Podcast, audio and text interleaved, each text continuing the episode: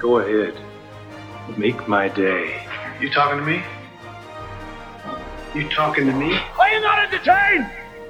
Are you not entertained? Labdien, un esiet sveicināti Kino Kūta podkāstā. Kino Kūta ir projekts, kurā mēs fanojam par kino kopā. Un Kino Kūta podkāstā gandrīz katru nedēļu, gandrīz var varieties. mēs runājam par un ap kino, kas notiek ar kino pasaulē, kas notiek ar kino Latvijā un kas notiek ar kino kino kultā.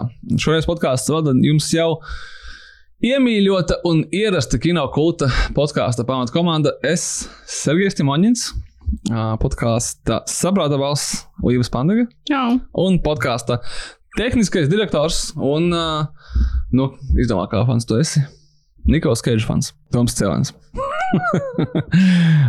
Atsevišķi paldies iet ārā mūsu jaunajiem patroniem. Jūs zināt, kas jūs esat, bet, ja tie, kas nezina, mēs nosauksim. Ilgvar, esi sveicināts, nepagāja, ne? Cik mums ir patroni? Pusotru gadu, vairāk? Nu, paldies! Jā, Ilgars filmas nāk jau skatīties sen filmas, viss kaut ko zina un tā. Man liels prieks redzēt viņu ekskluzīvajā kinokulta čatā. Beidzot varēs ar kādu parunāt par, es gribēju teikt par jaunākajām Steven Seagal filmām, bet mēs nerunāsim par Steven Seagal like ever.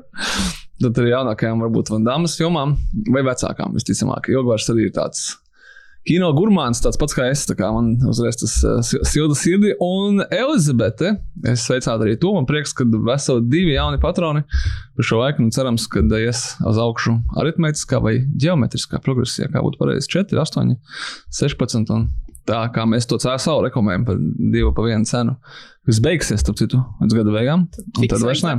Dzeriet, nu, es nevaru teikt, dzeriet ātrāk, vairāk, drīzāk otrādi. Bet, nu, ja, ja interesē vispār, tad nepierodat. Pēc tam par albu jāmaksā.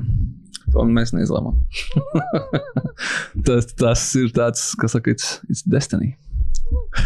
Anyway, šoreiz podkāstā mēs parunāsim par jaunumiem Hovudā un sadalīsim mūsu ziņas vienkārši divos milzīgos blokos. Ziņas par komiksu filmām, kuras tāpatās mēs skatāmies, un ziņas ne par komiksu filmām, kuras agrāk vai vēlāk, bet pāries par komiksu filmām. Nu, kad bija namēs, tad tādi bija, kurš temats agrāk vai vēlāk beidzās ar Marvel, Star Wars vai kas tur mums vēl notika. Neatkarīgi no temata. À, ko mēs esam redzējuši, vai gribētu noskatīties, un kas mūs gaida kinoteātros no kinokauta. Pie pārējiem nu, mēs nevarēsim, mums ne, nav tik daudz laika. Good news, everyone! Un sāksim ar ziņu, kur uh, ienācās, manuprāt, precīzi 5 minūtes pēc tam, kad mēs ierakstījām iepriekšējo podkāstu. Tas tā parasti notiek. Tā parasti notiek, un mēs negribējām neko pārrakstīt. Un sapratām, ka gan jau parunāsim jaunadēļ, jaunadēļ nebija podkāsts, savu runāsim tagad. Bet svarīgi ziņa. Surprise, surprise, nebija podkāsts. Ir daudz, viss kaut kas, ko darīt Halloween seanss, jāorganizē, viss kaut kas the room. Paši, jā, šī kostīma. paši bijāt, tā kā viss kārtībā, tad bija vērts.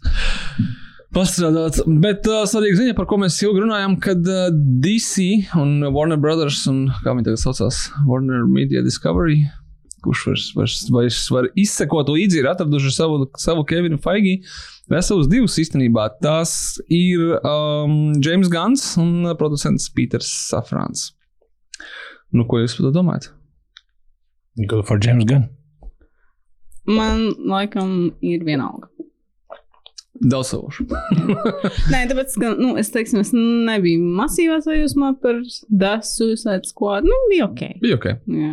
Bet Nu, es es man- nevarētu teikt, ka James Guns atnāca un tur ievies kaut kādu baigi jauno kārtību DC tur pasaulē, cik nu tur pasaule ir vispār, es nezinu vairs tagad. Mm, Tā ka, nē, nu, lai ņemās. Varbūt tad, tagad viņam tad ļaus izpausties.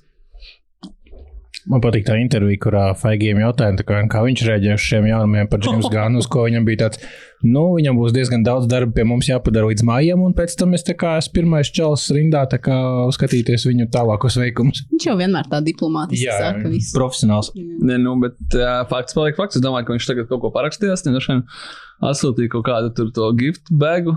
Pasaka, pateicis, nu, tu padomā brīvajā laikā. Ko tu gribētu darīt? Bet tā brīvā laika viņam īsti nav. Ja viņam jātaisa vienlaikus Guardians of the Galaxy 3 un tas uh, Christmas special, kas ir uh, nu, būtībā vēl viens stunda, mazāk, cik viņi tur būs. Laikam, ja nu- Werewolves bija 50 minūtes. Es kaut kā biju domājis, ka viņš būs 30. Es nezinu, kāpēc. Tas bija, to es biju domājis. Viņš bija gandrīz stundu. Es pieņemu, ka Guardianam arī vajadzētu būt gandrīz stundai. Tā kā tā ir tā kā vēl viena pusfilma, ko vajag uzfilmēt, samontēt pirms pusgada, gan arī pirms iznāk jaunā. Nu, nu, forši, nu, tā jau tūlīt mm, gatava. Es ceru, es ceru, ka būs. Vien, ka trēlā redzējāt, viņš smieklīgs ir. Bet, nu, tas trēlers bija kaut kāds, es, uh, būs tu editors, jūs redzējāt, ja? Jā. kur tur nospēlēsim. Bekons. Kur Kevins Bekons, es sāku padomāju, kurā brīdī, ka, nu, kad tas Disneja vienkārši viņš var eksistēt jau, jau pilnīgi atrauc no visas pasaules, ka Disneja nākamajos darbos ir atsaucas uz iepriekšēju. Respektīvi, šeit viss tiek būvēts ap joku no pirmā Guardians of the Galaxy par Kevinu Bekonu, un laikam arī otrā. Respektīvi, viņam pat nav jau vairs vajadzīgs kaut kāds cits popkultūras lietas, par ko jokot. Viņi var jokot tikai paši par sevi un tā kā eksistēt kaut kā pilnīgi atsevišķi no vispārējā. Drīzāk tā, ka Disneja mēs. ne- Pašpietiekams organisms. Pašpietiekams organisms, kurā brīdī mēs vairs pārstāsim būt viņam vajadzīgi, jo pagaidām it kā vēl esam, bet nav bijis nekas cits viņam vairs Kamēr nav. tu piķo par Disneja pusi, es domāju, viss notiek. Kevins Bekons jau sanāk, ka viņš būs viņš pats tajā Marvel Cinematic Universe. Pats sev tavs? Nu, ja Tu tas domā, sanāk, ka viņš līdz ar to ir vai savā tas būs aizvērts viņš, durvis? viņš vai ne viņš, viņš, jo viņš bija X-menos, kas, nu, Jā. īsti neskaitās tomēr. Nu, Nu, mēs jau vēl nezinām, kā Nu, viņš kā vai viņus pasaulē bet, nu, Citā tā pasaulē Kevins Bekons. Pieņemsim, ka tas ir cits universs, multiversā. Jā, tad Man liekas, kas- ka šis jau sen nesatrauc arī cilvēkus globāli. Pat, tur pat bez multiversiem, kad viens aktieris tēlo vairākus vienā. Beigās vienkārši viņam var uztaisīt to, ka Kevins Bekons ir tāpat kā vienkārši. tā Kā, Jā, es tieši gribēju teikt, ka viņš jau var arī būt kaut kāds skrūls vai kaut kas, jo viņam taču būs pēc tam vēl tā filma vai seriāls, es jau vairs neatceros. Sarežģīts uh, explanations, tas vienkārši. Nē, nu, respektīvi, tā kā, nu, tur viss joprojām var notikties, neatkarīgi no tā, kas notiek šajā. Anyway, James Guns un Pīters Safrāns, kurš ir uh, diezgan zināms uh, producents, un acīm redzam, tad, kam ir mēģinājums sadalīt, kad viens atbildēs par radošo daļu, otrs atbildēs par finansiālo daļu. Es nezinu, vai tas tieši tā darbojas, un varbūt, Pīters Safrāns teiks, es arī gribu kaut kādas idejas dot un savu pienesumu, bet daudzi tur teica, ka beidzot ir atrasts, jā, atrasts ir Kevins Faigijs, ko es gribētu pateikt, Kevins Faigijs nav režisors, un neko režisējis viņš nav. Uh, varbūt arī ka labi, ka tā, ka viņš tur kā ietekmē visu, bet, uh, bet James Gans ir. Nā, tas laikam ir tā, ka kad, vai nu no Jamesa Gana nebūs vairāk filmu, vai nu viņam nebūs laika kaut ko citu vadīt, kas ir. Nu, nezinu. Es domāju, ka viņš nav slikts kandidāts, bet, bet mūsu rašanā sagaida mazāk Jamesa Gana filmas. Jo arī nu, tā kā tad būs kaut kāda rada būšana, ka viņš teiks, es taisīšu šito, tu taisīsi to. Un tu netaisīsi šito, tāpēc, ka es to gribu taisīt, un es esmu galvenais. Ir mana bumba. Kaut kas nepatīk, es eju mājās ar visu nu, bumbu. apmēram, apmēram tā, jā. Bet uh, es domāju, ka mums gaida, nu, kad forši, kad viņi kaut ko ir sakārtojuši, bet tas ir ļoti garš, vēl garš. Uh, Nu, tu jau ceļš, nezini, vai viņi kaut ko ir sakārtojuši. Tas varbūt tā kā uz, uz, uzlīmēt plāksteri, tur, kur tev milzīgi kaut kāda sūta. Jā, u- uz, uz, uz, uz, uz, uz James Gana durvīm tā kā nu nav iegravēts tas viņa vārds uzvārds. Droši vien vienkārši uzlīmīt. Un tad noņem no stūra iepriekšējā. What happened to the last dude? Tā varbūt, pēc diviem mēnešiem būs ziņa, ka James Gans uh, pamet, jo radošas nesaskaņas vai family matters vai tur kaut kas vēl, kas, ko parasti viņi saka šajā Un Parakst līgumu uz vēl četriem Guardians of the Galaxy. Nu, jo tur ir viņas sirds. Bet, kā, bet bija taču kaut kāda doma, ka viņš arī pārvaldīs kaut kādu to Marvel kosmisko universu, bet tas bija pirms viņa atlaida. Tad, laikam, neatcerieties, jā, nu bija tāda, bija, ka ķipa, viņš tur arī būs kaut kāds advisors, par, par, bet no laikam jau tur viss ir citādāk. Kāpēc? Bet citādāk nenozīmē sliktāk, varbūt arī labāk. Pāriesim tālāk pie ziņas par to, ka uh, zem uh, šī minētā jau Kevina Faigī būs Deadpool 3. Beidzot, viņi ir vienojušies, un arī būs atpakaļ Hugh Jackmans. Tā kā, ho, ho, ho. kā tu tā, kā tu tā.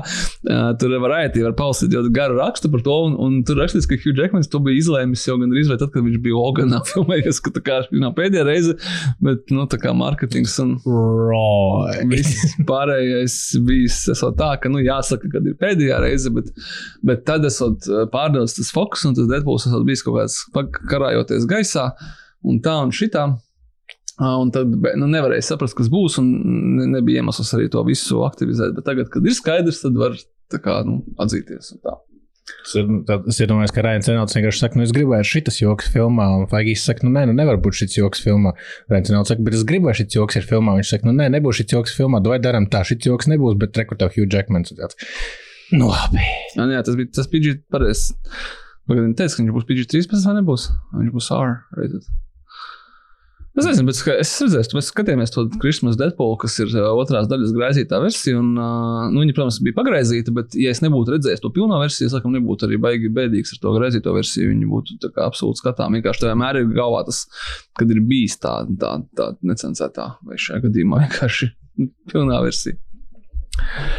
Un tā, uh, bet tur būs uh, ilgi gaidītā atkal apvienošanās. Tur būs Rains Reynolds, kas apvienosies ar Šonu Leviju, kas režisēs uh, Deadpool 3. Viņi strādājuši kopā pie Free Guy. Un pie Adam Project es noskatījos 40 minūtes no šīs filmas, kaut kad pirms miega, un domāju, noteikti noskatīšos atlikumu rīt. Tas nebija ne pirms nedēļas, ne pirms mēneša. Bet uh, izskatījās interesanti. Frīgā es redzēju, jo viņi bija kinoteātrī. Jā. Jā, Adam, proje Adam Project es neredzēju, jo viņi bija Netflix. Man ir tāds, eh, tas Nē. Netflix filmas. Jā, bet tur, ir, nu, tur viņa bija tā kā. Nu, es nevaru teikt, ka viņa bija kaut kā sliktāka. Viņa bija tāda pati droši vien kāda. Un atcerēsimies, ka Hugh Jackmanam būs bija filma Real Steel ar Tā kā tur ir trīspusēja apvienošanās. Un cerams, ka visiem šiem brīnišķīgiem cilvēkiem izdosies brīnišķīga filma, kas mums gaida jau 2024. gadā. Ar, tur viss notiek. Nu, kā, your calendars. tā kā good, good luck. Vēl good luck mēs novēlēsim uh, filmai Venoms 3. Turpinot par uh, Marvel varoņiem, kas kā ir un it kā, kā arī nav. Mēs nezinām, kur, kur viņi ir, bet nu, savā pasaulē viņi kaut kur tur darbojās. Un uh, Toma Hārdija, cik es saprotu, cīņu biedrene pie visiem tri, iepriekšējiem diviem Venoma scenārijiem, uh, Kelvijam ar sevi tagad arī debitēs ar uh, Venoma trešo daļu. Es pirms jūs kaut ko esat paspējuši pateikt. Vienkārši pateikšu tā, ka visu cieņu, jo nu, otrā daļa pārspēt nebūs pārāk grūti. tā kā es, es tā kā visas cerības uz Kelviju, bet nu, tā kā Latiņa mētājās uz grīdas. Jā. Es nezinu, ko tas pasaka par mani un to, kādā dzīves brīdī es esmu šobrīd, bet no visām ziņām, ko mēs šodien esam līdz šim apsprieduši, šī man iepriecina visvairāk. Es esmu ļoti Venoms? priecīga par to, ka būs trešais venoms. Man ļoti patīk otrais venoms, vai tā ir laba filma? Nē, bet vai tā bija fantastiski izklaidējuša filma? Jā. Nu, varbūt jānoskatās vēlreiz. Es nezinu, Tā filma uzvarēja man filma. ar to, ka viņa bija īsta tieši tāda. Tas Jā, ir tas, kas ir tā kā, kas man pietrūkst pēdējās laikos visās filmās. Vienkārši tā kā, nu, nu beidzies, lūdzu. Par to mēs šovakar, ne, šajā podkāstā nebija parunāsim. nekādu kā delūziju par to, kas viņa Kas viņa ir. ir, jā. jā, viņa zināja, kāda viņa ir un kas viņa nav. Viņa arī liels zināja, viņai nebija tās. Mēs par to runājām, mums bija atsevišķi podkāsts, tāpēc baigi neatkārtošos, bet viņai nebija tā kā tāda ambīciju, kas ļoti bieži norok šādas stulbas filmas. Viņa zināja, ka viņa ir stulba filma un vienkārši tā kā to tā kā izmantoja līdz pēdējiem. Te noteikti ir arī labā ziņa. Es atceros, ka es noteikti to filmu esmu redzējis. Ja mums bija kino kulta sēns. Es atceros, ka tur bija Vudijs Haralsons, ka kāds rubaks baznīcā bija beigās. Kaut kas tur sitās atkal tie divi, nevis ja, transformeros, tas saka, sitās divi tie konteineri, izkastas, tad šeit sitās divi kaut kādi plastūvīni pikuči. Viens flaberi. sarkans, viens melns, un tas arī laikam viss. Un vēl bija kaut kāda ļaunā, melnādainā sieviete, kas bija ar kaut kādām spējām, bet es neatceros kādām. Jā, Naomi Harris, man liekas, tā bija. Ar ko viņa darīja? Nu, neko īpašu. Ne, nu, arī biju aizmirsis par viņu filmu. Nē, nē, tur bija, bija viņai bija kaut kāds Nu, viņa off-stories ar jā, jā, to uh. Carnage, bet, uh, bet es atceros, ka viņai bija kaut kādi spēki, kaut kāda tā kā, droši vien tāda jocīgā telepātija vai kaut kādas, viņa spīdēja acis. Jo šie spēki vienmēr ir ļoti, ļoti līdzīgi. Tā kā jebkurā X cilvēka filmā bija vismaz kāds, kuram spī- spīd acis un ir jocīgā telepātija. Es domāju, tā kā Olivi- Olivija šī tā te no apakalips, kur, nezinu, ne, kā sauc to aktrisi. Nevis Olivija Wilde, bet Jā, Olivija Manna no X-Men apakalips. Sailok tā. Nu, bot, uh, tagad man atgādināja, ka pareizi taču bija tāda. Un viņai, viņai bija kaut kāda spēja, kur viņa kaut ko dara kine- telekinētiski, bet, bet viņa jūka pilnīgi visiem citiem personāžiem. Nu tā. Nu, viņi tur bija diezgan ne, neizmantota tajā filmā. No, tur tā filma ir cits podkāsts, bet nu, tur viss bija slikti. Toms Hārijs gājis, viņš tur neaizvēlējās parāk to judo, un viņam ir atliek laiks arī filmēties Venomā. Bet es atceros, ka uh, rakstā par uh, pirmo un arī par otro Venomu, es saprotu, gan, uh, gan šī te mm, Kelija Marsela, gan arī pats Toms Hārijs baigi aktīvi iesaistās scenāriju rakstīšanā, tā kā ir tikai loģiski, ka viņi domāja, ko lai vēl paņem režisēt. No, tajā paņemsim otrajā, man liekas, viņš tur riktīgi bija. Jā. Jā, paņemsim cilvēku, kurš ir vismaz tā kā zinošs. un Brīnums, ka pats Kams Hārdijs negrib režisēt. Arī viņš negrib būt jaunais Bens Afleks. Ir šāds, ka cilvēks saka, tad nodzērās un pazuda. tik daudz laika, tad neatliek judo, ja ir arī. Viņam moci viņam jātēlo vienam, viņam jāierunā. judo, bet man liekas, viņš nebija judo, tas nebija jujitsu. Es atvainojos visiem, kas nu, ir. tā kā Es, es, jūs sapratāt, ko es domāju? Kaut, kautiņu šitie te. Kā vēl saka mums presrelīze, tad pot. Pot points are unknown at this time. What has not thickened yet. bet, uh, bet, jā, bet uh, nu, mēs varam tikai minēt, kādi nu, jaunie varoņi vai vecie Nu, varoņi. kāds plots, nu tas Nu, neinteresē. labi. Es es saprotu, tā kā moving on. Nu, ja mēs atceramies, ka ir ļoti daudz visādi to simbiotu, tad eh, nu, tur vēl pf, daudz ko darīt. Tālākais venoms. Tur ir iedomājies, cik daudz krāsās mums var Sarkana. sataisīt. Visās. Tur ir daudz krāsu un daudz simbiotu, tā kā pf, tur daļām vēl daudzām pietiek materiāla. Uz piekto daļā viņi tiks līdz kinokultē. LGBT krāsā, krāsām. Saliekot visus to venomus kopā. Nu, kā saka, gudlāk. Izrādās, kad, uh, kad uh, būs uh, jauns vēl viens Batmana spin-offs. Es domāju, tā Batmana, kurš ir Roberta Pattinsona. Mēs esam pārslēgušies uz DC atpakaļ pie Jamesa Gana. Kur ir ļoti interesanti, īstenībā, kad no visiem uh, viņu projektiem viņi mēģina to uh, Patinsonu Batmanu spinot no viņa, lai gan it kā tā pasaule ir, ir diezgan forša. Un uh, neskatoties uz to, ka jau janvārī sāks uzņemt pingvīnu seriālu, mums būs arī Arkham Asylum uh, seriāls. Par pingvīnu tur bija tikko arī ziņas, ka Kristīna Miljotī no uh, Palm, Spring, Palm Springsas būs. Nu, tas ir īsts, viņš Nu, jā, ka notiek. tas, ka tur viss notiek. Jā. Jā. Es kaut kā neticu nevienam no tiem seriāliem. Mm, E, man- Man ļoti ieinteresē tas, ka bū- būs seriāls par Arkham Asylum, bet vai man šķiet, ka viņš būs labs? Pagaidām diez vai. Es to, ka neticu, es biju domājis tādā ziņā, es neticu, ka mēs viņus visus tiešām arī Ah, redzēsim. Ņemot tādā vērā to, kas notika ar Batgirl, man tā kā, nu, tā kā viņi var izziņot visu kaut ko, kamēr. tas- Vienkārši vairs neusticies. Jā, kamēr tas nav DC. kaut kādā straumēšanas platformā, man acu priekšā vai televizorā, es neticu, ka tas ir īsts projekts. Īpaši no tā, to, ka viņi ļoti skaļi anoncēja, ka viņiem būs tas Gothamas Nu, policijas tā. seriāls ar Terencu Winteru, kurš ir nenormāli krūts scenārists, kurš ir taisījis Boardwalk Empire, un tur kaut kur viņš pazuda un palika tikai pingvīns. Un uh, arī vairs nebūs tie Gothamas policisti, bet nu, viņi gan jau varbūt vēl, vēl atgriezīsies. Viens Gothams seriāls jau bija, tā kā cik var. Mm. Bet varbūt tas ir um, līdzīgi kā varbūt to dara Paramount Plus, straumēšanas servisā Teodors Šeridans, kuram ir tie Yellowstone prīkveli, kur ir, kur ir pamatseriāls. Tie ir. Jā, jā, jā, bet es domāju, ka ir pamatseriāls, kur ir Kostners, un tad viņš stāsta, un tad viņi ik pa vidim uzraksta kaut kādu to, tur uh, Yellowstone 1851, un tur ir, teiksim, 8 sērijas, un viss, un tagad būs, teiksim, 1923, un tur ir arī 8 sērijas, un viss, un tad šeit arī tā, ka viņi, viņi, viņi turpina ar to Batmanu. Uh, ar Patinsonu, un tad viņam ir atsevišķi tādi nevis daudzu sezonu seriāli, bet tā kā, nu, tā kā viens tāds limited series, kurš kaut ko pastāsta. Un tas kā ļauj to kontrolēt visu. Būtu būtu jau labi, ja tā būtu, bet uh, Kā mēs zinām, ka tā nebūs. liecina Walking visticamāk. Dead, tad droši vien, ka nē. Tur kur Exactly. katrs, katrs spin-offs ir iegūst tās uh, sezonas un uh, nesko vēl. Nu, labi, nu gaidām, es ceru, un skatīsimies. Un uz to brīdi arī HBO Max mums būs. Uh, Ončējies Latvijā bez zaudējas pusi no tā satura, kas tur viņam bija plānots pirms tam, kur ko mēs Varbūt runājām. Nosaukumu mainīs, Varbūt kaut ko arī mainīs. nosaukumu. Nu, jā. Uh, daudz noteikti uzdod savu jautājumu. To es domāju, ka droši vien absolūti nevienu. Kur palicis Demons Lindelovs? Ar ko viņš tagad nodarbojās? Nu, vai viņš, viņam taču bija Watchmen. Nu, lūk, jā, Tas ir jau nav tik sen. un cilvēks prāt apstāties laicīgi. Tur Alans mums teica intervijā, ka tur, kur tur vispār uzbāzās šī lohi ar to seriālu. Ja? Viņš tur kaut ko runāja. Man ka Dēlānam ir problēma tāda, ka viņam kaut ko jautā cilvēki. Nu, jā, nu, tur tā bija kļūda numur viens. Nu, ka viņš, kā, viņš tur drausmīgi neapmienās, tā kā lieciet, mieru vispār šitam vairs nav nekāda sakara ar to, ko es tur biju uzrakstījis. Bet tas reāli bija labs. Tas jau bija ļoti labs. Nu, jā. un, kā saka, prātīgi apstājās pie pirmās sezonas, vienīgā sezonas, un tā arī laikam tas paliks. Jo Dēmons Lindovs turpinās ar Star Wars filmu, uh, kuru veidos Miss Marvel seriāla veidotāja. Es esmu laikam vienīgais seriāls, kurus neesmu redzējis, ir Miss Marvel. No tiem Disney plus Marvel seriāliem. Es pa viņu vienkārši aizmirsu, ka viņš eksistē. Viņam nav arī tikai sešas sērijas gadījumā. Iespējams, kā jau daudziem no viņiem. Bet uh, Nu, Restīvi, tu vari aizrā, aizlāpīt šo robu. Noteikti tā man būs jādara. Mums ir tiek plānots arī lielais Marvel podkāsts pirms Melnās Panteras. Vai pēc, Melnās Panteras, kad mēs saņemsimies. Tas jau ir tas tur gandrīz katru nedēļu. Atcerieties, tas case. Nu, man būs jānoskatās viņš kaut kad sūn. Ļoti, ļoti drīz Es, ne, es nevienu neesmu redzējis. no tiem seriāliem. Joprojām. Tur nāk kā eksperts, kuram ir viedoklis.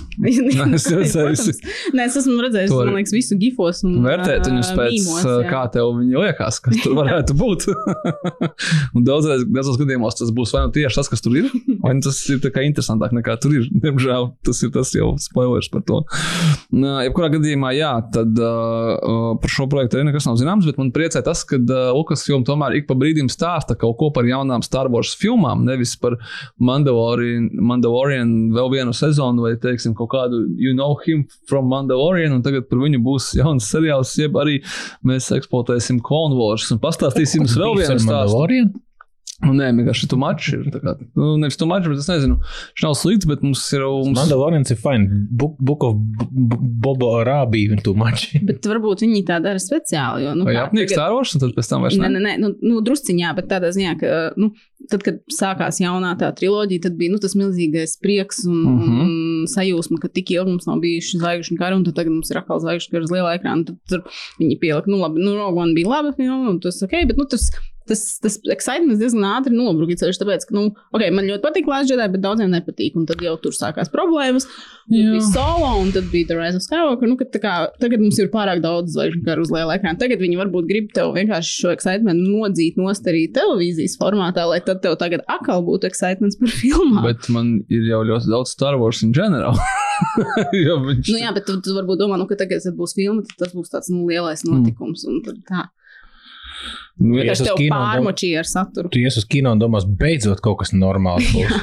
es saprast, vai šis ir projekts, kurš ir notiek pēc Rise of the Skywalker ar tiem pašiem varoņiem, vai tas bija cits kaut kāds projekts, ko viņi bija anoncējuši. Bet viens no viņiem bija tā kā apzināti ielikts uh, timelinā pēc un ar iespējams tiem uh, skatītājiem mīļotajiem varoņiem. Man liekas, ka tas Šis nav- galīgi neko jā? nevar uzminēt pagaidām. Vēl, Tas jo... uh, intriģējošākais projekts bija no Star Wars, bija tas tur Rogue Squadron. Man viņš likās interesants, bet tas jau kaut kur ir pārcelts, atcelts. Es tagad atceros, vai viņš ir jau tagad atcelts, atcelts, vai viņš ir vienkārši kaut kur ļoti Viņš tālu. bija pārcelts indefinitely, tāpēc, izrādās, ka jāfilmē Wonder Woman 3 jau kontrakts. Tos pieprasa. Un arī jaunie Warner Brothers īpašnieki saka, ka šitā nebūs, nebūs labi darīt. Bet, nu, gan jau es ceru, ka mēs pie viņa atgriezīsimies, bet tas būs ar uh, šo te uh, režisoru. Pētī Jenkins. Jā, to gan grūti pateikt. Bet viņai tur bija tas izstāsts, ka viņai tur tas pilots bija tēvs, un viņa grib, nu, man kas Jā. interesants, ir kaut kas, kaut kas cits, nezinu, vai es tagad vairs gaidu tā, kas vai titī Star Wars, laikam, nē, atbild ir arī tu mačs. Un Kevina Feigī Star Wars kaut kur pazudis ir. Un Raina Johnsona triloģija ir vien tā kā The Phantom Menace. Teiksim tā. Labi, nepietiks jau, ka par Star Wars gan atgriezīsies Star Wars un visiem vēl parādīs, kas ir īstie saimnieki galaktikā un tā tālāk. Mums ir labas ziņas. Pārslēgsimies pilnīgi kaut ko citu. Eiropas kino cienītājiem. Uh, Poļu režisora Pāvila Pavlikovska jaunā filma, nākamā filma pēc uh, viņa Oskarotā darba Cold War ir anoncēta, un Vakīns Finiks un Runija Mara atveidos tur galvenās lomas. Vai jūs atgādājat, viņi taču ir bijuši kaut kādā filmā kopā, kas pēc tam zināmākam? Tā um, Marijā Magdalēnā viņa bija. Nu, redz, kā. Kur tā filma palika? Nu, tā bija. What Nē, nu, viņa jau kaut kur iznāca. Nu, viņa iznāca, varbūt viņa pat arī pie mums Viņa bija. jau kaut kādā aču nevar atrast bet- kaut kādā. Es pieņemu kaut kur. Tur bija tā, man kaut kādi jautājumi. A, tur bija tā kā jā, ka nebija labi. Vai- Jā. Ah, ok. Ne, ne, negribēja vēlreiz riskēt ar, ar kaut kādu. Nu, jā, Bet tur bija, to- es atceros no filmēšanas laukuma izcils bildes, Jā, ka ar Runija Mara cigareti, stāv pie krusta un ar cigaretu pīpēru. jā. nu šajā gadījumā Pavlikovska filma gan būs atkal vēsturiskais gabals, kā saka, tikai 1930. gadi un uh, amerikāņu pāris, ko atveido tiecīgi uh, Runija Mara un Vakins Phoenix. Viņi, kas saka, pagriež savu muguru civilizāciju. Es tagad mēģinu iztulkot to sinopsi un būvē savu personīgo paradīzi uz neapdzīvotas salas. Izklausās intriģējoši. Pavļakovska Tas biošoks. pēc kaut kā, ko Phoenix gribētu darīt droši vien personīgajā dzīvē. Nu, es domāju, ka par to lomu sacentās visticamāk ir Džerets Leto un vēl daži kino, ne tikai kino censori, bet, nu, ok, ok. Skaidrs, ka tur aiziet viss. Mara un Phoenix, viņiem ir pāris īstajā dzīvē. Bet Viņi ir, jā, tāpēc es domāju, ka, pēc, ka viņi ir kopā, nu, kad viņi nevis varbūt kino, bet kaut kur, nu, tā man likās. Mm, Jebkurā gadījumā šis izklausās, kad uh, būs uh, lielākā tāda vēriena ziņā Pavļakovska filma. Jā, bet es domāju, ka saglabās to viņa unikālo stilu un tādu polijas grodu. Man ļoti patika Cold War. Kurš, starp citu, nedabūja Oskaru. Nedabūju Oskaru. Viņa bija nominēta. Es esmu pieredzējis dažreiz tā teikt, uh, un tad es nepārbaudu. bet viņa tiek nominēta, vai ne? Nu, viņai bija trīs. Viņai bija arī, viņa arī toreiz kā režisors, viņš saņēma nomināciju. Liekas, viņam uh, Īda, man liekas, gan dabūja Oskaru. Jā, jā. to es redzēju. Tā bija Melnbalta filma. Un, Pagaidā, bet Cold War jau arī. jā, es mēģinu tagad atcerēties, kas bija tas motivators, kāpēc es noskatījos viņu. Mm, nē, nemaz es tagad atbildēt. Nu, anyway, ja noskat, noskatieties abas divas. Un tad gaidām jauno.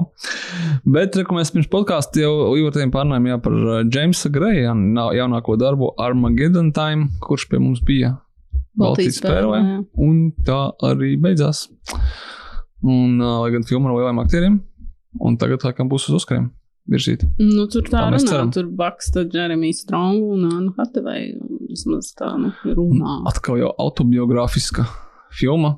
Balstīta uz režisora paša jaunību, un, hei, arī viņa nākamā filma izrādās būs kaut kādā ziņā balstīta vismaz uz notikumiem, kas bija viņa jaunībā. Un viņa stāstīs par Džonu F. Kenediju. Un stāstīs par viņa evolūciju no pavisam jauna cilvēka līdz powerful leader. Un ieskatot viņa otrā pasaules kara laiku, Džeims Grējs gan nav tik vecs. Ne? Viņš uh, piedzima 69. gadā. Tad, kad viņš jau bija Jā, pum, viņam 53 gadi. Tas nav gluži par viņa jaunību. Bet, nu, bet mēs zinām, ka tu izdarīji komēdiju. Jā, jā, mēs atcaucamies uz Dēmonu Lindelofu. Tie, kas zinās, zinās, ok, labi, kļūda. Es esmu novicinājis Džeimsu Greju, bet uh, kaut kādā ziņā viņam, uh, viņam šis uh, vēstures periods ir svarīgs. Bet es domāju, mums taču nav bijusi tāda zināma filma par Kenediju. Mākslas filma, nu nevis dokumentāla, un nevis tā Olivera Stone mūrgu filma nu, par. JFK, jā, bet uh, bija, um, es tagad pēkšņi neatceros, kā sauc konkrēti to filmu, bet bija viena filma par viņa slepkavības to momentu, un viņa bija tāda taisīta. Tur, citu, arī bija Jeremijs Strongs, uh, viņš tēloja to, man liekas, Lee Harvey Osvaldu. Uh, tur bija Zeks Efrons, uh, viņa saucas vai Parkland vai kaut kā, kaut kāds šitā. Ah, Tur bija tā kā ne tik jā, daudz par jā, pašu Kenediju, jā, bet jā. par to, kas notika tur visā, visapkārt. Tur, teiksim, nu, par to vienu ārstu, kas viņu tur Jā. izmisīgi mēģināja vēl operēt. Un, Domāju, ka teiks, tas ir tas seriāls ar Džeimsu Franko pēc Stevena Kinga romāna. 11, 22, 63. jā, nu, tas arī. Bet, Arī nebija jā, par viņu bet, gluži, bet nē, bet, kā nu, tā, nu, tā bija tā kā nu, faktuālāk. Jā. Bet uh, kā viņi sauc, es tagad varbūt samalēju. Tieši tā, viņa saucās arī Parkland, Es viņu nostiesāju. Zaks Efrons. Ko? Es viņu divas reizes Jā? nostiesāju. Tāpēc, ka tur bija Jeremijs Strongs un es to brīdi biju Succession. Ah, Es domāju, ka vienkārši aizmirsu, ka tu viņu redzēji. Varbūt. Tā kā. Nē, es to esmu atcerējis. Es uh, piesējošu sev, izskatās interesanti. Billijs Nu, viņi ir Bo- Billijs ok. Bobs Thorntons, Toms Vellings, Zaks Efrons un laikam arī Jeremijs Strongs un Paul Džematī. Jā, un Pauls Žematī tēlo to zaprūdaru, kuram ir tā slavenā, nu tā filma. Nu, Davids nofilmētais. Harbors, James Badge Dales. Tur ir ļoti daudz visādi. Visi gribēja tur piedalīties. jā. Tas Ok. okay. aktieru sastāvs ir nu, īstenībā interesantākā lieta visā tajā filmā. Es ceru, ka, uh, es ceru, ka šo filmu nopirks Netflix. Un tad viņi varēs uzsākt trīsstundu filmu par Kenediju un kopā ar Merlīnu. Es tieši gribēju teikt, jo viņš taču parādījās arī tur. Jā. Nu, jā, tā kā tas uh, interesants double feature Netflix, ja mūs dzird, tad jau ja ņem šo Jo ideju. visu ir izkalkulējuši. Un no otras puses, viņi atkal varēs ļaut Jamesam Grējam darīt to, ko viņš grib. Tāpēc, ka, ja viņš taisa studijas filmas, tad konstanti ir problēmas. Vai nu ka ar Adastru, ka tur baigi viņi tur ņēmās un kaut ko grieza un čakarējās, vai nu ar Mageddon Time, kuru vairs nerada kinoteātros, tāpēc, ka nav lielā studijas filma. Nu, jā. Klausies, cik mums bija tie skārstgārdu brāļi? Pārāk daudz. Pārāk daudz. Un, uh, mēs parunāsim uh, podkāstā otrajā pusē Mēs uzreiz par filmu Barbarian, kurā tēlo un arī kuru producē viens no Skarsgārda brāļiem. Tas, kurš ir penīvais. Tas, kurš ir penīvais. Kamēr tas, kurš uh, nav penīvais, bet tas, kurš bija Tarzans, bet laikam vairs nebūs. Bet viņš zina, kur viņš bija Succession. Aleksandrs? Jā. Ok. Vai tā, ah, tagad būs ceturtā sezona? Viņš bija trešajā jau. Ne, ne, Nu, viņš domāju, būs arī ceturtajā. Kad cik, mēs runāsim tos puses, kam atkal jā, nu, kā jā, jāmēģina, nu, jāmēģina noskatīties. Nu, labi. Sagatavojies. Vieglāk, kā būs jā. noskatīties vienkārši. Es domāju, ka jā, Un- un piedalīties, būs jā. nekā, nekā mēģināt kaut kā to apturēt. Okidoki. Aleksandrs Kārsgārds eh, ne tikai producēs, bet arī režisēs un arī atveidos vienu no galvenajām lomām filmā, kurā otru galveno lomu atveidos vai arī pirmo Florence Pju. Uh, filma stāstīs par dokumentālistu grupu, uzreiz interesanti, kas dodas uz uh, Aļaskas kaut kādu tur neapdzīvotāku vietu, lai uh, nodokumentētu gandrīz izzūdošu vilku sugu. Es ceru, ka komandā ir Laims Nīsons, kurš ir back for more. Uh, bet nu, tas tikai filmas kā, sākums, jo pēc tam viņi mēģina prezentēt šo filmu kaut kādā prestižā ki- kino balvu pasniegšanā, fe festivālā, un tur uzpeld neglītā patiesība, ka vilki droši vien nemaz nebija apdraudēti, bet Laims Nīsons viņus tāpat iznīcināja. Ja mēs skarsgārdu un visu krūku viņi sāk. Viņš ir staigāja Nordmanā pusfilmas ar to vilku. tādu- Skarsgārds bija vilks Jā. īstenībā. Viņš, viņš, Jā. viņš ir vainīgs pie vilku iznīc- iznīcības. Nu, lai kā arī būtu, bet uh, jā, interesanti izklausās. Un es ceru, ka tas tiešām nav tā kā viss, un ka tur ir vēl kādi filmas noslēpumi, kas saucās Mm, The. Pack. Un, uh, jā, un uh, Florence Pugh atveidos uh, vienu no galvenajām malām, kur ir uzmanīgam jābūt. Ja viņi tikko filmējās pie viena cita aktiera, aktrises, kas kļuva par režisoru, un tagad viņa tik ātri tajā pašā upē lec, kur ir populārs aktieris, kurš ir kļuvis par režisoru. Bet Nu, viņi, viņi jau to Skarsgārdu pazīst. Viņi jau bija tajā seriālā kopā The Little. Succession? Nē, viņa nebija. Bet viņa varētu būt Succession. Viņa būs labi. Succession. Nē, bija tas The Little Drummer Girl. Tā Jā. Parka. To- Tas esot ļoti labi. To es kā reizi, man tas ir nedaudz augstāk par Succession. Tikai tāpēc, top, un tajā manā watchlistē, kad viņam ir 4 vai 6 sērijas, man šķiet, nevis 46.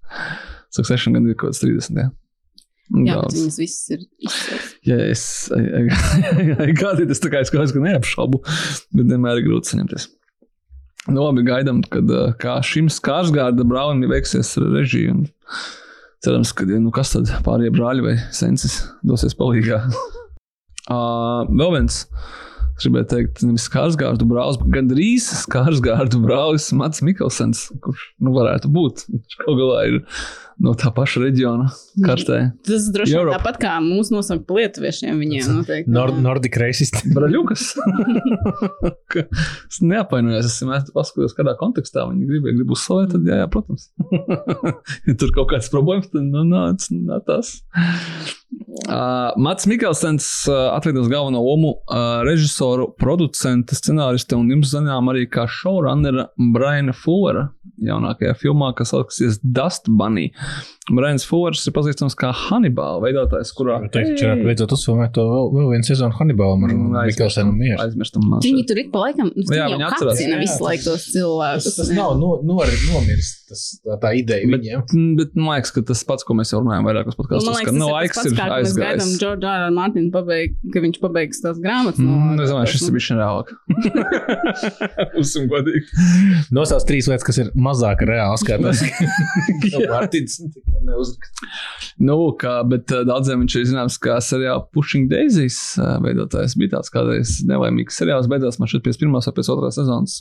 Tas ir vienmēr tajos sarakstos ar seriāliem, kuri Jā, tika nokancēti pārāk. Nepelnīti, canceloti. Un tā. Uh, bet, jebkurā gadījumā, Brians Fullers ir diezgan zināms uh, teiksim tā, televīzijas uh, industrijas darbinieks, kurš ar, ar daudziem, bet viņam, kas nav, viņam nav filmas filmas. Tagad viņam būs. Un šī filma Dust Money stāstīs par kādu astoņus gadus jaunu meiteni, kurā uh, aicina savu kaimiņu, kuru atveidos Mats Mikkelsons, palīdzēt viņai nogalināt monstru, kurš dzīvo zem viņas gultas un apēda viņas ģimeni. Tas jau ir pieteikumā. Nu, izklausās ļoti interesanti. Ja kas, kas atturēs Madu Mikkelsonu no filmēšanās nākamajā tajā Power komiksa ekranizācijā vai aiznākamajā, ir labā ziņa, bet uh, man šis kaut kas liekas kaut kas tiešām tā, ka man Braina Forum uh, šķiet, ka ļoti patīk apvienot kaut kādas ikdienas, šās ar tādu nu, tādu ļaunu, tumšu pasaku, pasakas tādu Jo seriāls Pushing Daisies eh, viņu ļoti daudz vizuāli salīdzināja ar Tima Burtona filmām. Tas man palika prātā, ka tur ir tāds, tie, tas, tie, tie vizuāls bija tādi, nu, Bērtonīgi šī vārda labajā nozīmē. Hannibalā nebija šeit īsti bērtonīgi, viņi bija vienkārši tumši, bet Un augsti. Uh, un augsti jā. Tā kā ko gaidīt no viņiem, no šī mēs aptuveni varam iedomāties. Uh, kas attiecas uz Brianu Fordu, bija vēl cita ziņa, ko es uzreiz saliku klāt. Viņu jau izlaida, speciāli izlaida, ka viņš neaizmirsīs arī seriālu skatītājus un gatavo ko citu, kā piekdiena 13. seriāla prequel. Kas saucas Camp Crystal Lake. Uh, tas likās ļoti interesanti, tāpēc, ka tas ir līdzīgi kā, piemēram, uh, direktors Tas cilvēks. būs basically Young Sheldon tikai par uh, mazu Jasonu. If only, kā saka, ik pa brīdim mēs dzirdam, ka, teiksim, gribētu teikt, jā, ka zina, ka cilvēks, šis veidotājs Jons Vots izdomā, ka viņš grib sarakstīt Final Destination. Nu, tu saproti, ka cilvēkam ir kaut kāds tur, nu, tā kā tra trauma, būsim godīgi tā. Un ir skaidrs, ka citādi cienījamais Hannibal producents Brians Fullers ir, viņam ir kāda trauma par piekdienu 13. Tāpēc, kad viņš grib ot, uh, pievērsties šai tēmai, kur ir īstenībā daudz interesantāk, jo piekdiena 13. Uh, īstenībā līdzīgi tādās kā Halloweens, un man šķiet, ka šausmas globu ielā īsti nē, bet Halloweenam noteikti. Uh, ik pa brīdim ir kaut kādi tiesību skandāli, kas velkās gadiem ilgi, ne, bet gadu desmitiem, un arī šeit. Ar piekdienu 13. ir tā, ka uh, tur ir divi veidotāji, Šons Cunninghams un The Other Dude. Es tagad neatceros, kā viņi sauc. Un viņi saka, kasās, kuram tad pieder tiesības uz piekdienu 13. Un tad viņi beigās saka, tagad ir izkasījušies, ka vienam pieder tiesības uz Jasonu, otram pieder tiesības uz Camp Crystal Lake, uh, bet nedrīkst saukt par piekdienu 13. un tur nedrīkst būt Jasons. Līdz ar ko nu, mēs apmēram varam minēt, kas tur būs, un pats galvenais, kas tur nebūs. tur nebūs. Ah, pie tam par Jasonu laikam ir tā, ka tu vari viņu minēt, bet tu nevari viņam būt hokeja maska, nedrīkst būt. Nu, tur tā ļoti, ļoti detalizēti ir sadalīts uh, par to, kas, kas kam tika. Nu jā, iedomājieties, tev tā kā Fredijs Krīgers var būt, bet viņš nedrīkst būt sapņos. Nu, Vai kaut kā tā. Jebkurā gadījumā Brāns Falks ļoti priecīgs par to. Un šis šo viņš gatavos uh, straumēšanas servisam Peacock. Kas ir ļoti interesanti. Līdzīgi kā Rains Džonsons gatavoja to savu jauno seriālu par to Poker face. poker face. Gribēju teikt par kāršu, bet tur nav par, par kārtīm. Tur ir par kaut ko citu. Nē, tur ir tā kā mm, detektīvs. tā ir. Detektīvi, jā, nu, jā, pareizi. Pareiz. Foršs Trevors bija, bet nekad neredzēsim viņam, mums nav Peacocks. Unfortunately, ja nu vien kāds īstenībā nopirks. Atliek tikai cerēt.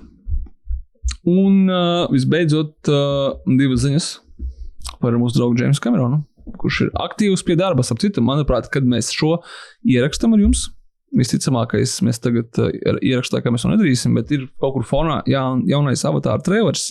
Bet tie, kas mūs klausās, tie noteikti jau viņu var redzēt kinoteātrī, un viņš izlaiž tā speciāli pirms Melnās Panteras vai Canada Forever palaistu visā pasaulē. Un uh, James Camerons ir nācis klajā ar divām ziņām. Pirmā ir tāda, ka Marvel un DC filmās viņš, viņš nav impressed, kad uh, visi varoņi act like they are in college. Atkal Spidermans They don't feel like movies. skatās. Nu, to viņš Like neteica. proper cinema movies. you go to. Viņu vairāk sadalās, ka viņam nav attiecību, piemēram, nu, they don't really have relationships. Un tu, teiksim, Dwayne Johnson, tu, ka, nu, kā tur nav, nu, puses kā superheroes don't kill people, I, I kill people. Nu, ot, viss, ko tu gribi vēl, puses, es tu visu esmu samainījis, viss ir citādāk.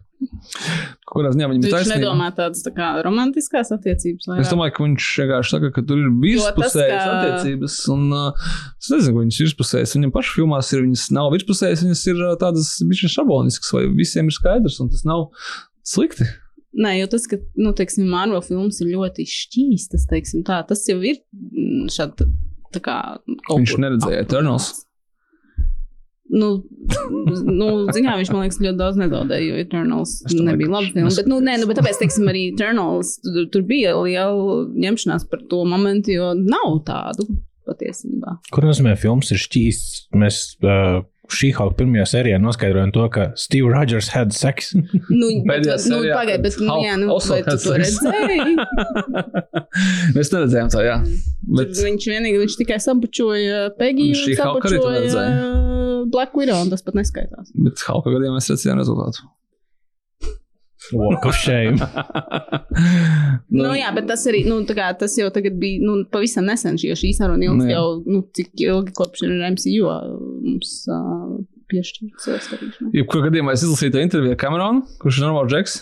Tāpēc, kad uh, viņš saka, tā, uh, man šķiet, ka uh, DC Marvel uh, filmās ir uh, virspusējas attiecības varoņi, un viņi tur ir puekani, bet pie manis avatāros ir pavisam cita lieta. Un man tur ir tas, tad ir nākamā intervija, četras piekdaļas par to, kas būs avatāros un cik tur viss ir labi un pareizi. Tā kā viss ir kārtībā, Džeims Kemrons vienkārši nodarbojās ar jaunākās filmas reklāmu. Es ceru, ka uh, Mārcis Kursēns to pašu darīs, kad nāks ārā viņam tas Killers of the Flower Moon. Viņš teiks, Marvel vispār galvīgi garām būt pie manis filmā, nāciet, tur ir īstā aktieru spēle un tā tālāk. Nu, Ridlīs Skots to pašu. Normāls, nevis kas vienkārši teiks, ka uh, man visi nav mīlēji eņģeļi vainīgi pie visa, neskatās manas filmas. Un Alans Mūrs ir normāls čels. Uh, Otrā ziņa no Džeimsa Kamerona tāda, ka viss ir tik labi, ka tas būs 3 stundas, 10 minūtes. Bet, kā raksta Twitterī, es būtu vīlies, ja būtu mazāk. Mēs gaidījām 12 gadus to filmu. Viņam visādos veidos vienkārši vajag pārsist endgame. Nu tikai finansiāli, bet arī ilguma ziņā. un- Garākā filma un pelnošākā filma. Es jau piekus. Mēs tieši runājām ar, ar, ar kinoteātriem, kad uh, iedomājieties to septiņos sievietes seansu primetime, un viņš beidzās 11. Nu, to be fair, mums uh, Lord of the Rings, tā kā mēs pirmo reizi rādījām to triloģiju pa trīs dienām, es neatceros, cikos mums sākās uh, Return of the King. Bet, nu, Sešos. Tas bija svētdien. Nu, jā. Un beidzās 11. arī. jā, tāpēc. Bet šajā gadījumā ir tā, ka tu iedomājies 3 stundas, 10 tikai filma, tad ir komerciāla reklāma, tad ir nu, vismaz 3 traileri, jo vēl visi grib savu prezentāciju vēl. Varbūt jātais tā kā prezentācija pēc filmas. Visi skrien ārā, un mēs arī aizējām. Tā kā, nu, tā kā win-win. Man nav nekas jādara, un uh, cilvēkiem nav jācieš no tā. Arī filmas laikā paralēli. Jā, vienkārši ir nu, tā kā vestibulā Sergejs vienkārši vada, vada prezentāciju. Es tiem, vienkārši sunkas. atsūtīšu materiālus informatīvos tiem, kuriem tas reāli interesē. Lai nav jāmokās, bet uh, nu, lūk, tas sanāk, ka viens, dien- viens sēns dienā reāli normālā laikā, kā, kad tu viņu vari to filmu pavest. Visās zālēs. Nevienam, nu, jā, Džeims Kamerons ar tādiem niekiem, tādas nieki viņu nesatrauc. Tāpēc, jā, un manā pantēras tas būs 2 stundas 46 minūtes. Ja es pareizi atceros. Un tā tur Bābele, tā viņš saucās? Babilona? Babilona. Es nezinu, varbūt notis. Man liekas, ka tam nav īsti tā tāds tulkojums. Ah, nē, Ah, varbūt ir. Es domāju, ka varbūt zini, ka Arī 3 stundas ar kaut ko. 109 Nu, traki. minūtes. Bring back Venom. 109 minūtes. Tas... 110, 190 minūtes. Ah, ok, jau likās, tev matematika ir. 109 minūtes es būtu priecīgs, ja tāda būtu. Pamaz, pamaz. Nu kā, nu, tu taču nevar ieslīgt tajā stāstā līdz galam. Ei, nu, jā, nē, tā nopūta jau ir vietā. Tā būs arī jūsu nopūta pēc tam, kad jūs pirksiet biļetes jau trīs stundīgo filmu un sapratīsiet, ka mājās taču arī var noskatīties un arī nopauzēt. Skatīties trīs, trīs vakaros, trīs piegājienos. Nu, labi. Ar šo mēs ā, noslēgsim un ā, pieķersimies pie paša bloka. Yeah, well, you know, that's just like uh, your opinion, man. Labi, ātri izskatīsim cauri, kas jauns kinokultā. Uh, kinokultā sekojoši ir uh, upurgas seansi. Nāciet skatīties, kamēr var. Filma kinoteātros, kamēr jūs viņu skatīsieties, bet uh, ir jāredz uz- liela ekrāna. Lai gan būs tikai godīgi pateikt, ka no 2. novembra filma ir arī TET plus par naudu. Jo tas ir tas, ko latviešu filmu veidotāji grib - naudu. Pēc tam viņi būs arī ne par naudu, pēc tam viņi būs arī televīzijā. Nu, tādā ziņā, ka uh, par to cenšas cilvēki nerunāt, bet pēc būsim godīgi, mums ir jāsaka, kā ir. Tāpēc, ka daudzi mūsu klausītāji un skatītāji, viņi saka tā, ka uh, Spider-Man noskatīšos kinoteātrī, bet latviešu filmas noskatīšos pa televizoru. Oh, well. Kaut kādā ziņā viņiem ir taisnība, tāpēc, ka viņi to par valsts naudu. Labi, neiedziļināsimies šajā nepatīkamajā sarunā.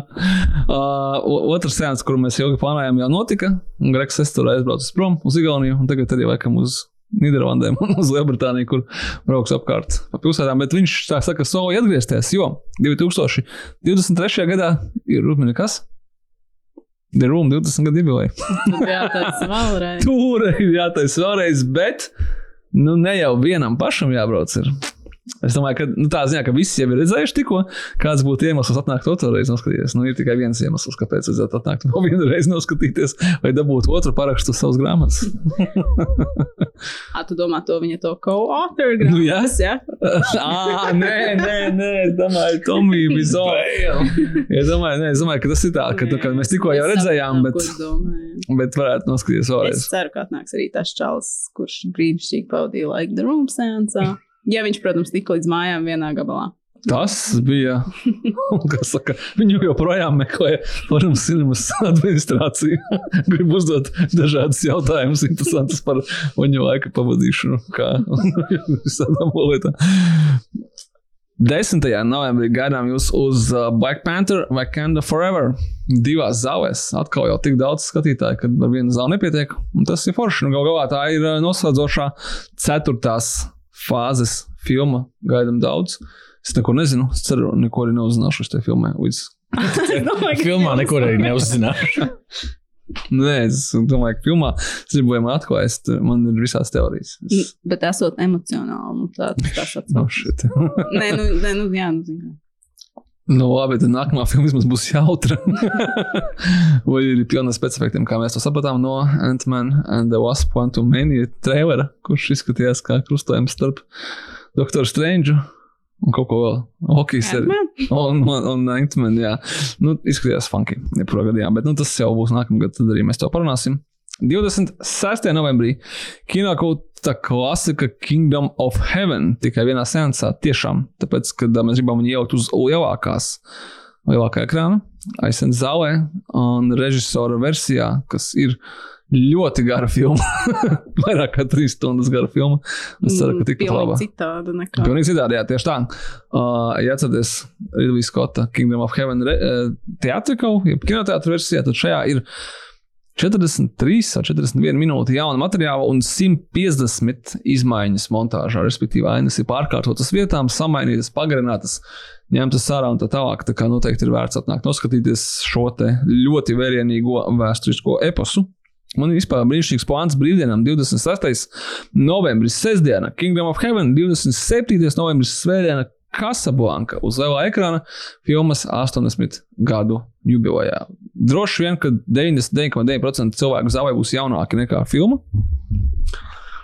Uh, par kuru es uzzināju interesantu, lietu. Izrādās, ka šī filma bija super rushed, tās uh, izlaišanas periods, jo to laiku, tas bija 42. gads, uh, to laiku jau visi nacisti zina ārā no Āfrikas ar švabreku.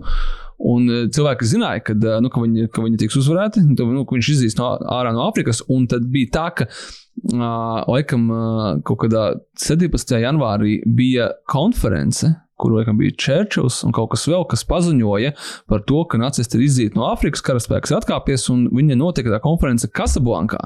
Un pēc nedēļas iznāca filma Casablanka, ko viņi speciāli pietājimoja tādā veidā, lai uh, visas pasaules uh, ziņās izskanētu vārds Casablanka, un pēc tam uzreiz tā kā, oh, reku vēl viena Casablanka, nu jāiet noskatīties, kā tur viņiem gāja. Cerams, ka tu tagad tikai neizspoiloji Ditas rietums fun facts. Es nezinu, es ceru, ka ne. Dita rietam gatava prezentācija, bet mums viņa nedavās, obviously. Mēs arī viņu kopā ar jums dzirdēsim, tāpēc, ka tieši tā Dita rietam mums ievadīs šo seansu, un es domāju, tas būs ļoti īpašs. skatījumā mēs netuvojamies ar viņu ar podkāstu ierakstu. Tas gan. Es domāju, ka viņi neklausīsies mūsu podkāstu. Un varbūt arī nevajag. Katram, katram savas lietas jādara. Un, tā. un uh, tiem, kas ļoti gaida Raina Džonsona filmu Glass Onion, Knives, Knives Out Mystery. Es laiku aizmirstu, ka ir silent. var atnākt nostīties 20. decembrī pirmo daļu kinoteātrī un forši pavadīt laiku. Mēs tā plānojam darīt. Tāpēc aicinām arī jūs uz kinokulta mūsdienu klasikas seansu Knives Out 20. decembrī. Un pēc tam katrs savā mājās skatīsimies otru daļu. Diemžēl Netflix filmas nerāda. Tur jau bija lielais skandāls, ka tikai nedēļa radīs kinoteātros. Dzirdējāt, ja? Novembrī. Novembrī. Nu, nu, tur jau daļa uzvaras ir tā, ka vispār rādīs kinoteātros. Kas nav divi kinoteātri, tur Losandželosā un Ņujorkā, lai kvalificētos Oskariem. Nu, tas ir- interesanti. ka- Viņam, liekas, tur kaut kādos 600 kino. Daļa uzvaras, jo, nu, tā kā forši, ka vispār parādīs Netflix, ka mēs nemaz negribējām rādīt, mēs gribam, lai jūs skatāties viņu Nē, mājās. nu redzēs, nu, vai tas tā kā, nu, ka, zin kā, varbūt viņi tagad iedeva to mazo pirkstiņu Netflix, un tad varbūt Bet arī kaut kāds, tā kā, redzēs, kā ies, un tad jau, Army- domāju, no tā būs atkarīgs uh, pēc tam. Army of the Dead jau arī bija kaut kādos 600 km. Vai tad tik daudz? Jā. Nu, viņi nebija tā kā 4000, tā kā, kā Ziemeļamerikā iznāk. Bet uh, Army of the Dead un kas vēl bija 600 Ground, ka viņiem bija pat 300, 400, 600 kinoteātriem. Bet skaidrs, ka jau bez nekādas reklāmas un ar to, ka tas nedēļa vēlāk iznāk Netflixā, tad tur ir kaut kāds, nu, nav oficiālo ziņu, bet ir skaidrs, ka kaut kāda. Tad, tad tur bija citādi, jā, tas savākti. hypes kaut kāds lielāks par to ir, ka viņi ātrāk. Notice. Tas arī bija kinoteātros. Un tas bija kaut kur zem tūkstots. Bet nu nekas tāds, nu nebija nekāda efekta no tā.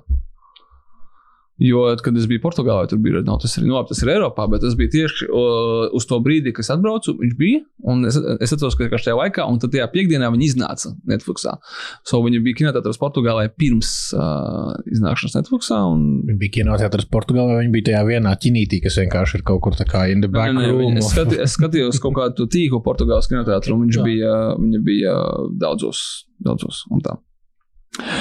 Nu, bet uh, pāriesim uzreiz pie temata, ko mēs esam noskatījušies, mēs esam visi noskatījušies iespējams aizgājušo nedēļu skaļāko šausmu filmu. Neskatoties uz to, ka bija Halloween un viss kaut kas ir bijis kinoteātros, bet šo filmu mums kinoteātros nerādīja. Neskatoties uz to, ka tā ir o, Disneja studijas filma. Nu, īpašuma ziņā. Un es biju prasījis vietējiem izplatītājiem, kāpēc tā. Atkal domāju, droši vien, kad eh, atkal uh, parēķināja, ka uh, vietējie balē viņi negribēs skatīties, un cipari parādīja, ka viss ir slikti un nerādīsim. Īstenībā atbild bija nē. Nepiedāvāja. Vai no Mouse? Vietējie gribēja. Filma Barbarian, kura ir pavisam legāli atrodama Disney Plus platformā. Un droši vien, kad ir pelnīti, tiek uzskatīta par vienu no skaļākajām, mm, veiksmīgākajām vai labākajām šī gada šausmu filmām. Diskas.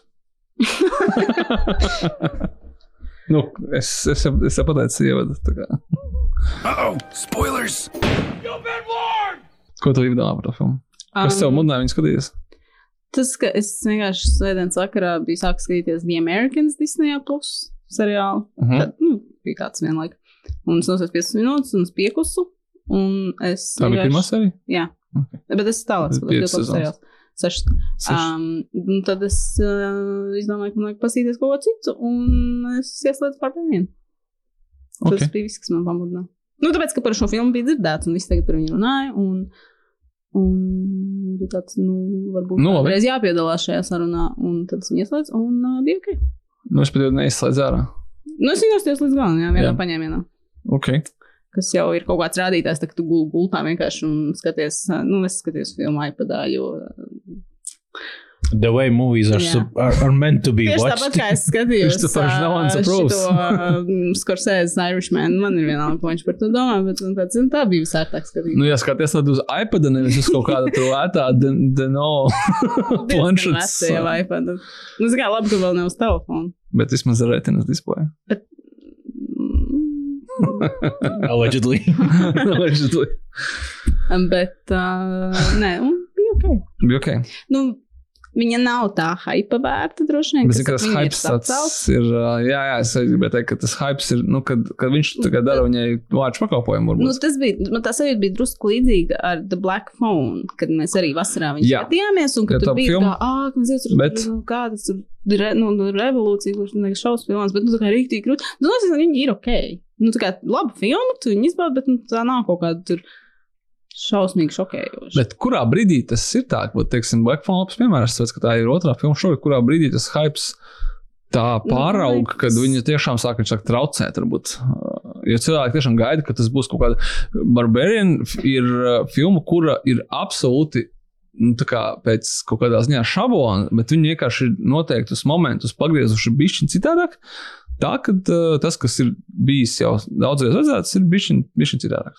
Nu, Man liekas, tā vien vispār pilnīgi atsevišķa diskusija, jo tas, man liekas, vienkārši nu, internets sakas, kā mēs komunicējam par filmām. Best movie ever. Jā, kad, ever. tā, un kad tad kaut kur vienā vietā kaut kur sākas tur kaut kas gruzdēt, un tad tur tas viss aiznesās tālāk. Tur kāds tur tāds Twitter nostūrs sāk runāt, tur nu, vēl Twitter nostūrs, un gan jau tā būtu tik slapēts iedrīs. Um, un tad tur kaut kas tur, tur letterboxtā, tur redz, ka tev tur viss draugi nostājās, un tad nu, tas vienkārši tā kā uzbūvēs. Un aizmirsīsim par TikTok, kur ir vienkārši tāds, oh, my God, Ā, the movie I just watched, I suggest to everybody goes and watches it, un tad visi iet un Nu, skatās. Un tad, un tad tas hypes uzbūvēs. un Tad... Man labākais patīk, ka uh, tas trīs fakts, ka tur sākumā bija paredzēts Zaks Efrons, kurš atteicās piedalīties. Viņam nav vajadzīgs, nu, Justina Longa, es domāju, Lomā, nevis šī tā skārs garda brāļa.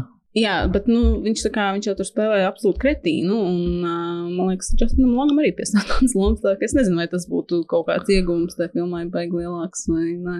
Es Man domāju, liekas, tev īstenībā pat vairāk gribas iedot par ģīmu Justinam Longam nekā Zakam Efronam. Nu, tad domāju, ka tas, jā, ka Zaks Efronam varētu būt tas, tā problēma, ka viņš tēlo kretīnu, bet viņš joprojām ir tik šarmants, ka tu Nu, nu, jā. piedod kaut kādas lietas, un Justinam Longam tu nepiedod Kur no tiem sēriju veidu saklām viņš tur tēloja, ka tur bija tas milzīgais. Jā, jā, kad bija tas milzīgais kašs par to, ka viņš ir pārāk tā kā, nu, patīkams un likable apmēram. Tā kā ir tas, nu, Nu, nu, labi, nu, labi, tad tā kā, nu, nu bet Justin- kuram nav gadījies? Bet, nē, nu, Justins Longs, tā kā, nu, viņš, man liekas, tur ļoti iedars tajā lomā, jo Tad viņi ierauga burtiski pirmajā kadrā. Viņš jau kad filmā parādās, viņš to besīja. Jo viņš tur kā viņš sēž tajā mašīnā, Jā. tajā sarkanajā mazajā sporta mašīnā, vai kas viņam tur tā bija, un dzied līdzi tai dziesmai. Un tev tāds. tu- Brīdī jau tas- Jā. Fuck you! Jā, tieši tā. Un tad uh, es šo jau esmu vairāk cilvēku teicis, un arī Letterboxdā rakstīju, man šajā filmā, kas man ļoti patika, bija tas viens moments, kad viņš aizmet to MacBooku.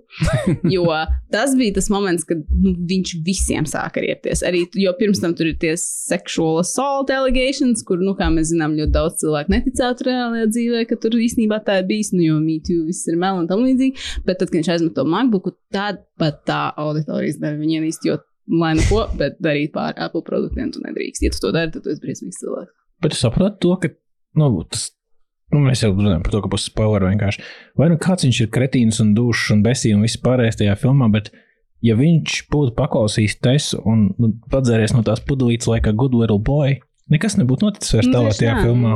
So, viņš ir the main Nē, reason, kāpēc kaut kas vispār nu, kā notika, kāpēc kāds izglābās. šim varonim, kurš ir tā kā kretīns, bet kaut kas viņam bija jāizdara, un beigās bija- atcelts uz Jeepers Creepers. Es ceru, ka jūs pamanījāt. Nu, viņa tur ir redemptions, man liekas, ilga pusminūte beigās. Nu, nu, jā, nu tā, nu tā beidzas, es domāju, ka tas tā kā tāds, nu, tāds nu, ļoti klasisks scenārijs paņēmies, ka tā kā viņš ir ēst, bet nu, tagad viņš būs tā kā tur kaut kādu, kaut ko viņš izdarīs. Bet viņš neizdzīvos. Sorry par spoiler alert. Kurš viņš nogrūta meiteni no tā torņa zemē? Nu jā, bet viņš ir speciāli. Nē, nē, nu, Nu. kā, es biju sapratis, ka viņš zināja, kas notiks. Ah, nē, es domāju, ka viņš vienkārši viņu nogrūta, tāpēc, ka viņš ir tieši tik sapnis. Jā? Es arī to tā saprotu. Nopietni? Jā, jā, jā. Tāpēc es, tāpēc es Ah, to nē, nedrīkstu es, es sakam par šo pastāvētos, ka man šķiet, ka viņš saprata, ka tā, nu, the mother, ka viņa ir tāda, ka, nu, ka viņš saprata, ka Nē, vienīgais, nē. ko tu vari izdarīt tajā brīdī, ir viņu nogrūst, un ka viņa viņu saķers, un, uh, un, uh, un ka viņai viss ir tā, ka viņa sargā to bērnu. Man, nē, man liekas, tā kā, ka tu esi pārāk dāsns viņa motīviem, tāpēc, ka nē, tā doma absolūti viņam bija, ka viņš nogrūdīs to tesu un ka māte liks viņai pakaļ, bet tā Ā, doma viņam bija, ka viņas abas nostīs. Jo viņš arī, viņam, viņš arī teica, man tā šķiet kaut ko, ka tur blah, blah, blah, but you will not survive. Nu, kaut, jā, kaut, tur kaut, kaut kāds tas viņa teksts bija tieši pirms Hmm. viņš viņu nometa. Nu, ka viņš nereiķinājās to, ka viņa tā kā tāds uh, spilvens viņu tur paglābs. Nu, labi, Viņš ka- vienkārši, man liekas, tā kā Jā? nu, viņas abas nomirs un viņš nokāpš lejā. Ah, es nenolasīju to. Man vienkārši likās, ka tur jau viss, ka viņš jau ir tā kā redīmīgi, Nē, nē, un tā tā.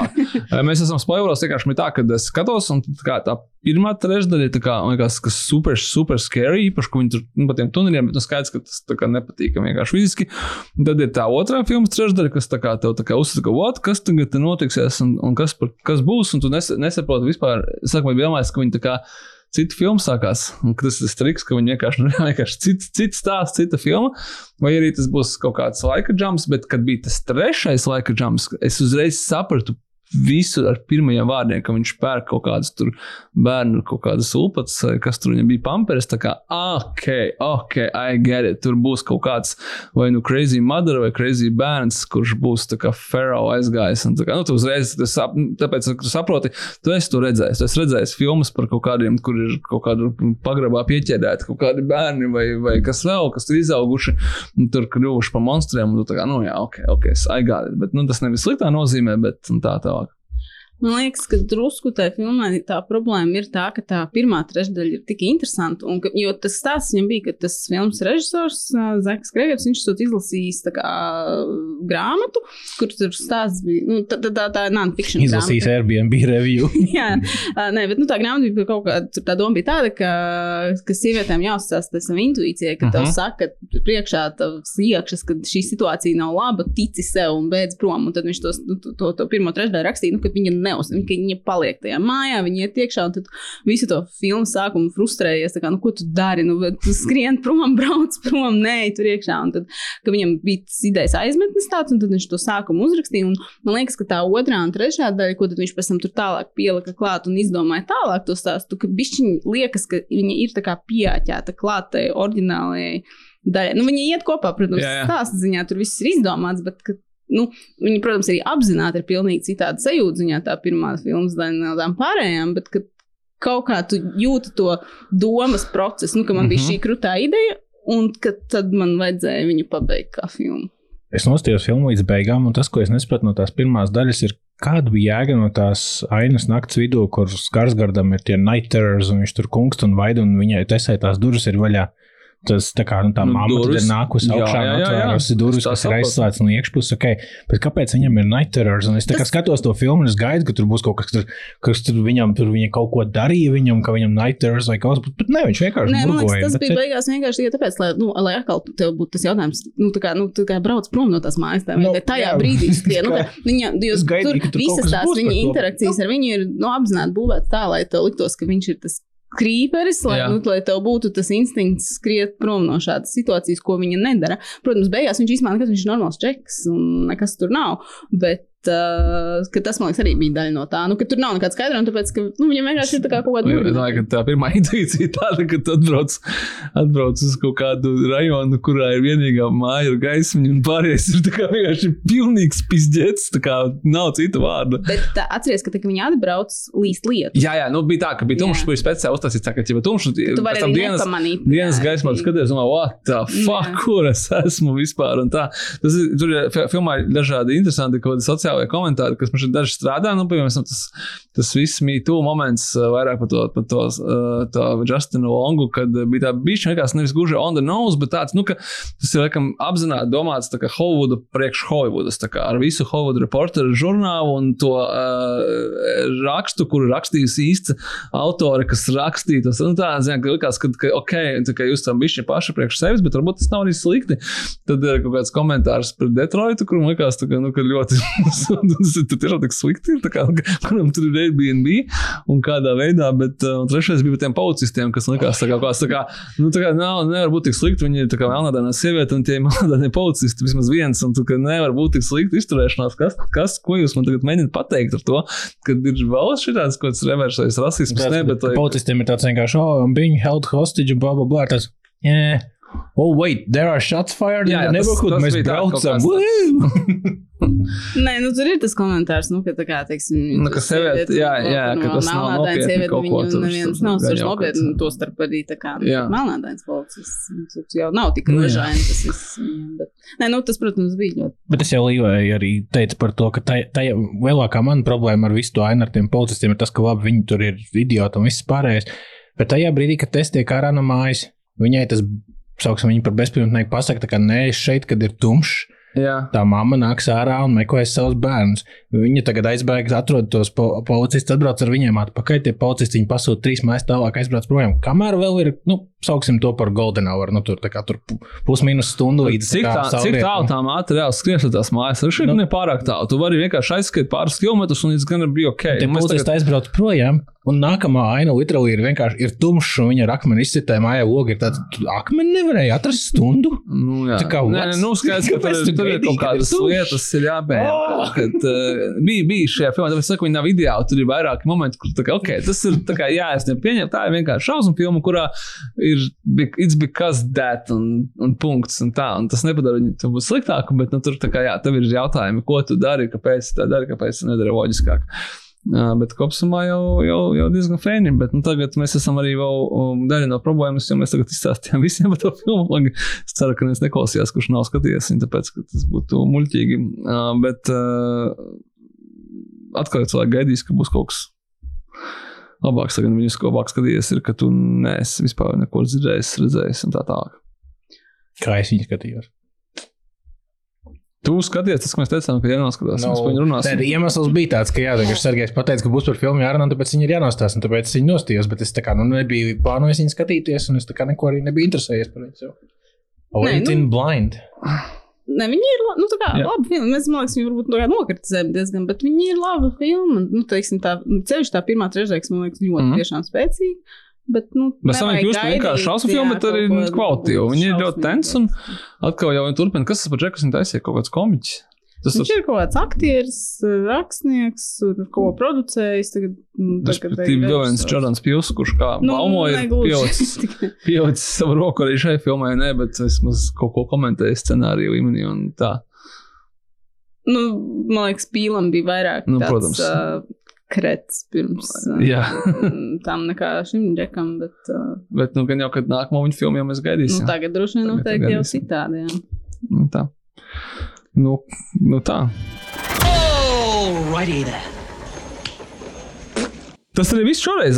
Cerams, ka arī noskatīsieties Barbērienu, vai arī jau noskatījāties. Tas ir vēlāk, tāpēc, kad, kā jau tikko teicu, jūs to noklausieties, un mēs esam jau no, no, nospēlējuši. Un šī filma, kas turās uz intrigas. Bet, jebkurā gadījumā, gaidām jūsu jautājumus, komentārus un ieteikumus, ko tasē tad vajadzēja darīt pareizi, un kur vajadzēja bēgt, kurā brīdī. Tas ir svarīgi. Tā, to, par to mēs jau tikko runājām uz uh, hello.kinokults.cl vai arī citur mūsu sastīkos. Mēs jūs dzirdam. Dažreiz arī atbildam kā tiem cilvēkiem no radio deju posta komentāriem. ja jums patīk šis podkāsts un gribētu atbalstīt visu kinokultu projektu, tad uh, A. Pastāstiet par podkāstu saviem draugiem. B. Iesakiet viņiem apmeklēt kinokultu savē. Varbūt pagaidām mazāk. Bet eh, pie, pieteikties mūsu sastīkliem gan, nu, tur ir vairāk satura, būsim godīgi. Mēs tur rakstiem baigi neiespriekšam pēdējā laikā.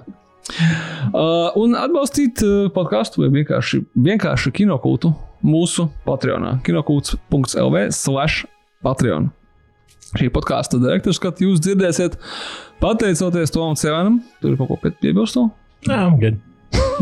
un uh, no kinokultu komandas paldies par uzmanību un līdz nākamajai reizei.